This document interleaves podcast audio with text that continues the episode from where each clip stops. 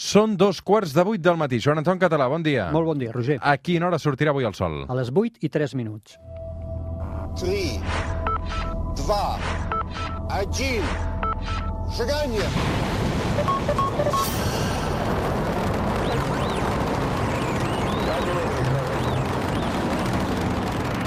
One small step for man, giant leap for mankind.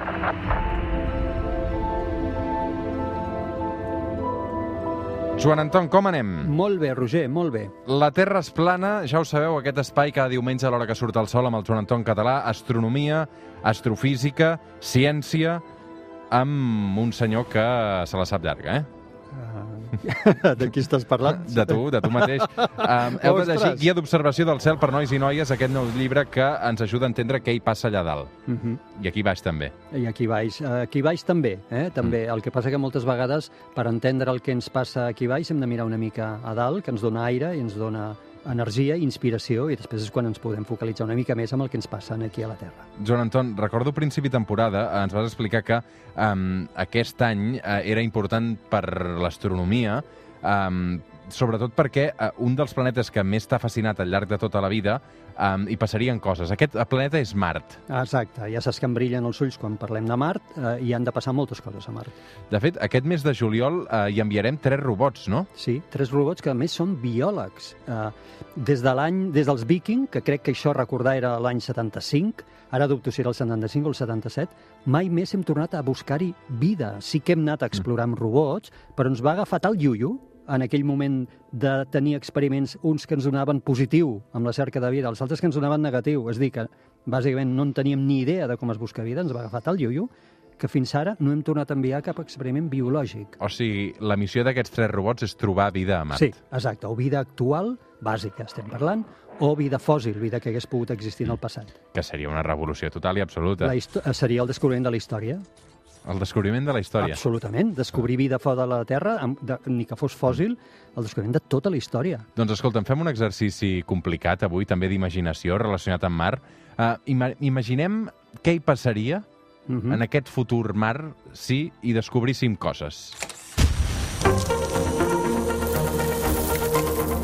A veure, d'entrada, què hi tenim a Mart? Què en sabem ara mateix? Mira, d'equipament, de, coses que hi tenim en allà donant toms o, o, o estudiant, tenim un robot que segueix viu, que és el robot Curiosity. Aquest robot va arribar el 2012.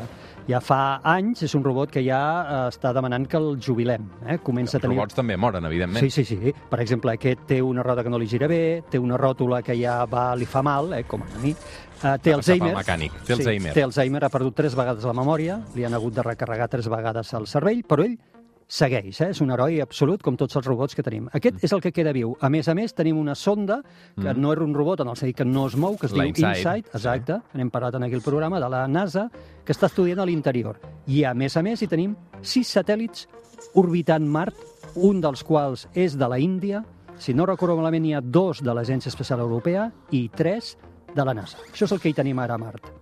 Donald Trump té un, son, un somni humit i és portar un americà a plantar la bandera a Mart. Això Totalment. passarà? Oh, i tant, i tant. El, que, el meu desig... Això passarà segur. Eh? El teu desig és que no passi amb trama a la Sí, presidència. això d'entrada, i que quan això passi ho facin conjuntament la NASA i, per exemple, l'Agència Espacial Europea, que tot indica, o tot sembla indicar que serà així. La data que estan posant les agències eh, per fer aquest primer pas de l'home sobre Mart és el 2034 o 2035. És possible que hi hagi alguna demora, però més o menys estaríem enfocant tot això. Però hi ha un personatge super espectacular, polèmic també, Elon Musk, que també n'hem parlat moltes vegades d'ell, ell ha promès portar-hi els humans només amb bitllet d'anada, per tant, per establir-hi una colònia abans que acabi la dècada dels 20, com feia Kennedy, no? que prometia abans que acabi la dècada, doncs Elon Musk promet que enviarà l'home a Mart abans que acabi la dècada dels 20, cosa bastant dubtosa. Eh? Per què ens estem fixant tant en Mart? Clar, Mart eh, no és un món impossible. Si mirem al nostre voltant, eh, més o menys, Mercuri és un infern, Venus encara és més un infern, Júpiter, Saturn Neptú són de gas, són gegants de gas. Quin planeta tenim a la vora que podria, entre cometes, semblar-se una mica al nostre? Mart. Per què s'assembla? Primer, és rocós, és de roca. Tu, hi ha una superfície, tu t'hi pots posar. Després, les temperatures. Les temperatures promitges són de menys 60 graus, que tampoc no és una cosa com molt impossible. És més, a l'equador i a l'estiu marcià pots estar per sobre del zero, eh, confortablement a un, dos graus, tres graus positius, per exemple. Uh, té aigua en abundància, pensem que l'aigua és crítica per establir-hi, uh, per exemple, una colònia en el futur, perquè és molt cara de transportar, té aigua gelada, però en té molta, per tant, diríem, és el lloc eh, obvi, és el lloc raonable per intentar anar a explorar i evitar-lo. Uh -huh.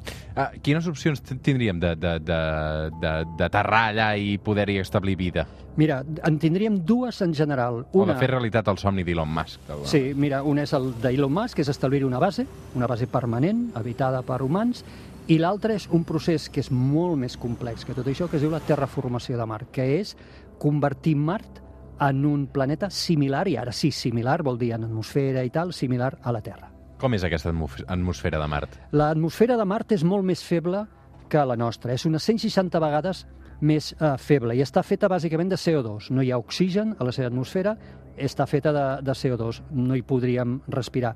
És important entendre, però, que en té l'atmosfera, que per tant allà hi ha tempestes de sorra, per exemple, hi ha vent, però com que és tan feble aquesta atmosfera, ni en l'huracà més fort de Mart podríem notar a la cara apenes que una miqueta de vent, perquè, com et deia, és una atmosfera molt fluixeta. Mm. Um, I a quines temperatures hauríem de fer front allà Mart? El que et deia abans és que les temperatures mitjanes són de menys 60 graus, però depèn molt de la latitud i de l'estació de l'any, perquè Mart té estacions de l'any similars a, la, a les nostres. El- Et, et deia també, a l'equador i a l'estiu podem superar els 0 graus, però si el xaletet, en lloc de, de posar-te'n en allà, t'equivoques i te'l poses a un pol i t'enganxa l'hivern en allà, podràs estar a menys 140 graus. Per tant, com veus, són extremes les diferències, Mm. també ho són de dia i de nit, però la qüestió és que no és un lloc prohibit, eh?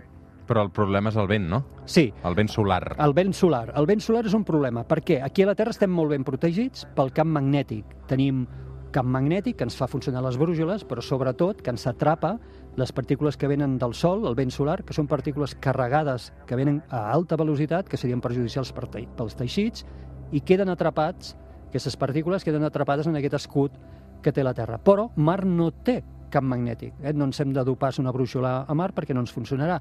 No té camp magnètic, no té escut protector, allà el vent solar arriba directament a la superfície, en la qual cosa eh, hauríem d'anar ben protegits, també per l'atmosfera, que no la podíem respirar, però especialment també pel vent solar, hauríem d'anar ben protegits amb vestits especials i sobretot dins les bases, amb les parets gruixudes de les bases eh, ben gaurits a dins, protegits d'aquest vent solar. La radiació del sol també seria perillosa? Sí, hi ha gent a vegades que confon el vent solar amb la radiació. No és el mateix. No és el mateix. El vent solar són partícules, com et deia, que venen carregades. El vent solar és llum. No són partícules, són els fotons famosos, és llum. El, llum, el sol produeix tot tipus de llum. Llum visible, infraroja, però també ultraviolada. La ultraviolada és especialment perillosa. Eh, pot provocar malformacions, eh, mutacions a l'ADN, en fi, eh, és molt perillosa per la vida del com l'entenem. La nostra atmosfera filtra quasi tota la llum ultraviolada, la filtra. Però, clar, estem dient que Mart té una atmosfera molt més feble, 160 vegades més feble que la de la Terra, per tant, allà la radiació ultraviolada arriba i arriba també amb força i ens hauríem de protegir d'aquesta radiació ultraviolada. Aquesta base que proposaves com a primera opció per eh, evitar mar o trepitjar mar o per passar-hi una temporada, la podríem construir sota terra? Tindria tot el sentit del món. No m'estranyaria que en el futur, quan l'home ho faci, ho faci sota terra, perquè, clar, això ja t'està oferint un nivell de protecció addicional que tu puguis eh, construir amb les teves parets de la base. No? Això et protegeix del vent solar, et protegeix de la radiació ultraviolada del sol. Segurament eh, pots obtenir temperatures més regulades eh, a sota de terra que eh, a la superfície. Té tot el sentit del món. És fàcil de foradar la superfície de Mart? Com, és una superfície rocosa. De fet, en alguns punts és més dura eh, que el que esperàvem. Ara la sonda InSight justament aquestes setmanes està tenint problemes justament amb el trepant que té per foradar-la, però en principi és una, és una superfície similar a la nostra. Mm. Amb equipament adequat es pot perfectament perforar. Com abastiríem aquesta base que hauríem construït sota terra, a Per principi? exemple, Ah, sí. necessitem aigua, els humans, per Sí, viure. el que dèiem, aigua és l'element, eh, tampoc a vegades hi pensem, més car mm, de transportar. Així com l'element tu el pots intentar transportar, diríem, en, en, en forma petita, no? en dimensió petita, l'aigua és l'aigua. L'aigua no... Et veus obligat a transportar aigua, imagina't per una colònia la quantitat d'aigua que hauries de transportar. Afortunadament, Mart té aigua eh, gelada de sobres, per tant, el que faríem és utilitzar aquesta aigua, segur que les bases marcianes utilitzaran aquesta aigua gelada, la fondran i la depuraran, diríem, per obtenir aigua, aigua líquida que pugui ser utilitzada pels humans. Mm. El menjar és més fàcil? El menjar és, és més fàcil, però cal esperar que quan hi posem base en allà i a mesura de que vagi sent habitada la base i vagi creixent, haurem de- d'obtenir uh, l'aliment allà, no, no basant-nos en el transport constant.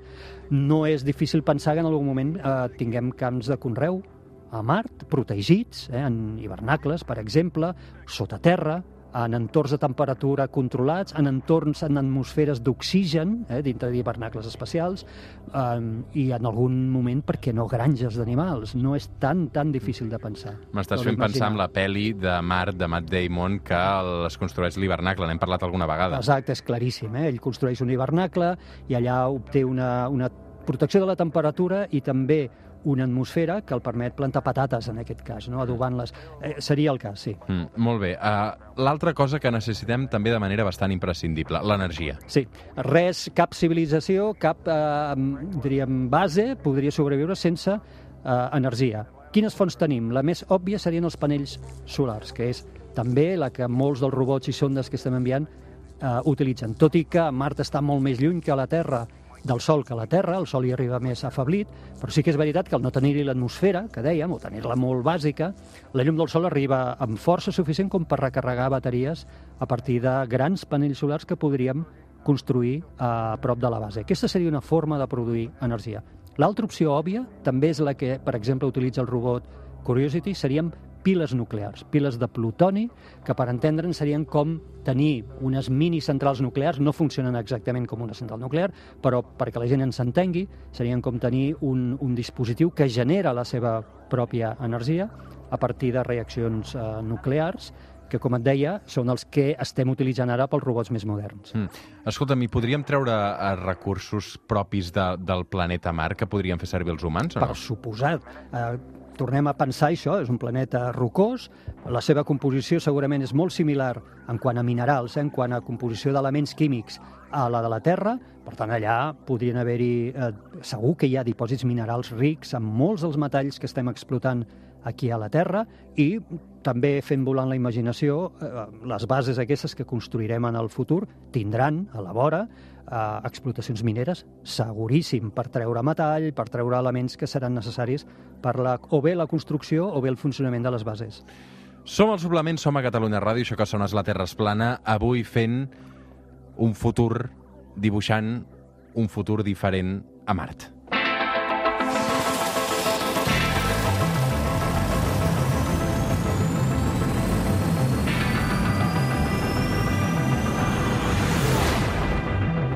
A veure, la gravetat, Joan Anton, a Mart és molt diferent de la que tenim a la Terra. Com ens ho faríem per gestionar aquest canvi? Perquè suposo que això ens afectaria i de valent. I tant que ens afectaria. Mart més o menys té una tercera part de la gravetat de la Terra. Per una banda, això és un avantatge, imagina't, allà podríem saltar tres vegades més o aixecar pesos més, més tres vegades més pesats del que podem en aquí a la Terra. Però, eh, i també les màquines, eh, la despesa energètica de les màquines serà menor que la de d'aquí. Això inclou fins i tot eh, enviar coets. És molt més barat enviar-los des d'allà que des de la Terra. Però, lògicament, en el cos humà això tindrà uns efectes, i és que igual com eh, la mal anomenada ingravidesa, que no ho és, però els astronautes que estan a l'estació espacial noten efectes d'aquesta manca de pes amb, els seus, amb la seva estructura morfològica, eh, també la notaran els humans eh, que visquin a Mart, eh, i això els afectarà en pèrdua de massa òssia, per exemple, i pèrdua de massa muscular. La pèrdua de massa muscular es pot, eh, diríem, minorar amb exercici, però una altra cosa és la pèrdua de massa òssia. Eh? Aquí estem investigant amb fàrmacs perquè aquesta pèrdua sigui menor o sigui més lenta, però és claríssim que al llarg de generacions la morfologia humana canviarà. És absolutament segur, això, segur. No pot ser igual un esquelet avui d'una persona de la Terra que vagi a Mart que unes quantes generacions que hi hagin nascut allà a Mart. El seu esquelet, la seva morfologia, haurà variat Què i creus s'haurà... que canviarà? Els Mira. dits del peu en, portes, en passarem a tenir 4 en comptes de 5? No, això no crec, no, això no crec, però, per exemple, eh, això, la, la fortalesa, la robustesa de l'esquelet variarà, no caldran un esquelet tan pesat o tan, tan fort com el que tenim en aquí, simplement perquè la gravetat en allà serà menor. No sé, deixant volar la imaginació, jo no sóc metge ni molt menys, però per què no, a lo millor, eh, més alçada? Eh? L'alçada també està condicionada molt per la gravetat. A més gravetat, menys alçada, perquè les coses els hi costa Ens hem d'imaginar uns humans més llargs i més prims. I més primets, per exemple. Eh? Aquí estem deixant volar la imaginació. Però jo el que, el que deixo anar és que, eh, sobretot a l'oient, reflexioni. No sabem com seran els humans, però el que sí que sabem que seran diferents. Això és claríssim, perquè, com et deia, quan portem 3, 4, 5, 10 generacions que han nascut a una tercera part de la gravetat, òbviament seran diferents.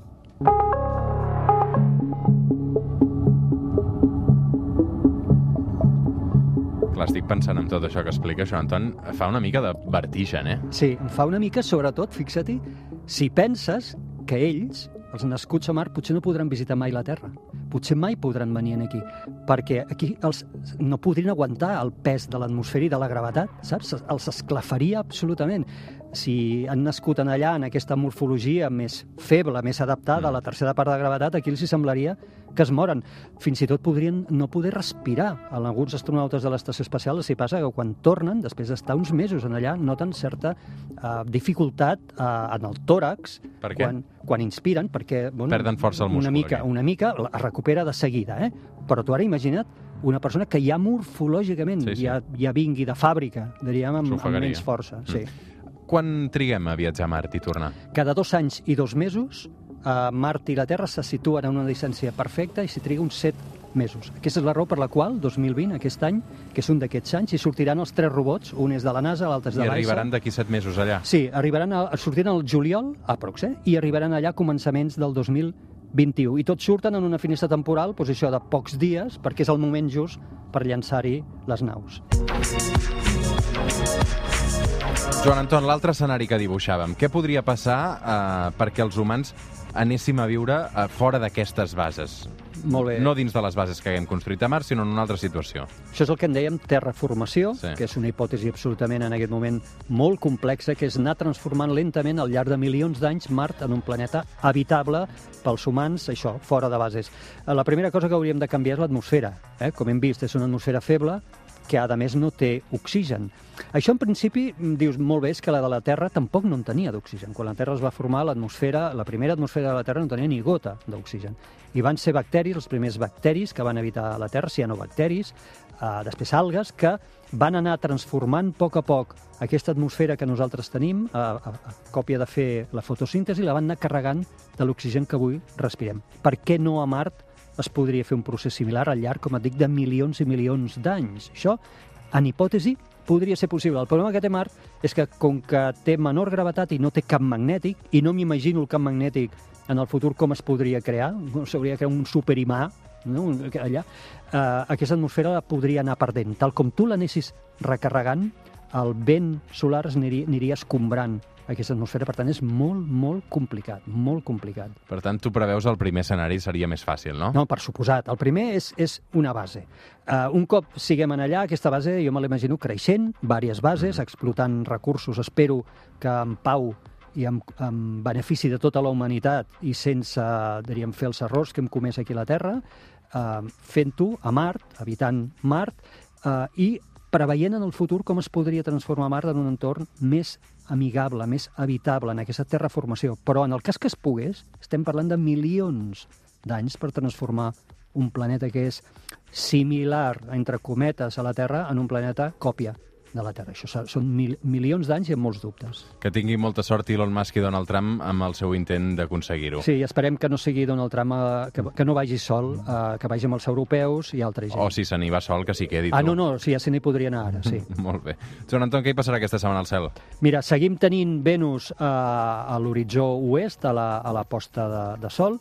Eh, Mercuri s'hi uneix, també molt baixet. Qui tingui un molt bon horitzó oest és factible, un horitzó molt pla, és factible que pugui veure Venus i per sota també molt lluent Mercuri. I la setmana que ve tindrem superlluna, és a dir, la propera lluna plena ja és una lluna plena d'aquestes que anomenem superlluna, una miqueta més gran que la normal. D'aquelles tan precioses Sí, que... que la gent els agrada veure i els agrada fotografiar. Arroba estels i planetes si feu fotos del cel i també voleu que les compartim i les comentem a la Terra Esplana del Joan Anton Català. Una abraçada. Gràcies igualment. Fem una pausa i tornem.